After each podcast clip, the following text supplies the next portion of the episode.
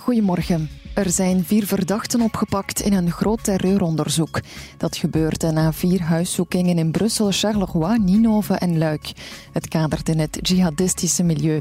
Dat bevestigt Erik van der Zijpt van het federaal parket. Daarbij werden vier personen van hun vrijheid beroofd, drie minderjarigen en een meerderjarige.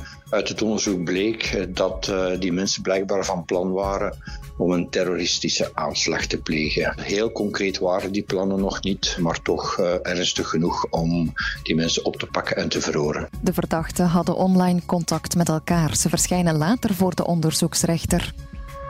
In het zuidwesten van IJsland wordt er gevreesd voor een nieuwe vulkaanuitbarsting, want de vulkanische activiteit is er opnieuw toegenomen.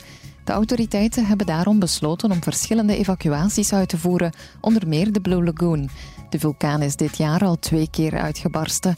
Inwoners van het vissersdorpje Krindavik werden daarom al meermaals geëvacueerd.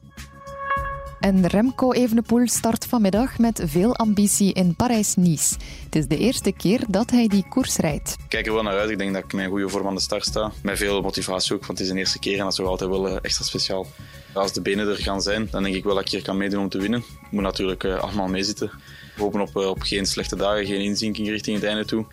Hopen dat we misschien wat voorsprong kunnen nemen met de ploegentijd. We hebben hier toch een hele sterke ploeg aan de start. De openingsetappe is er een van bijna 158 kilometer. Parijs-Nice eindigt volgende week zondag.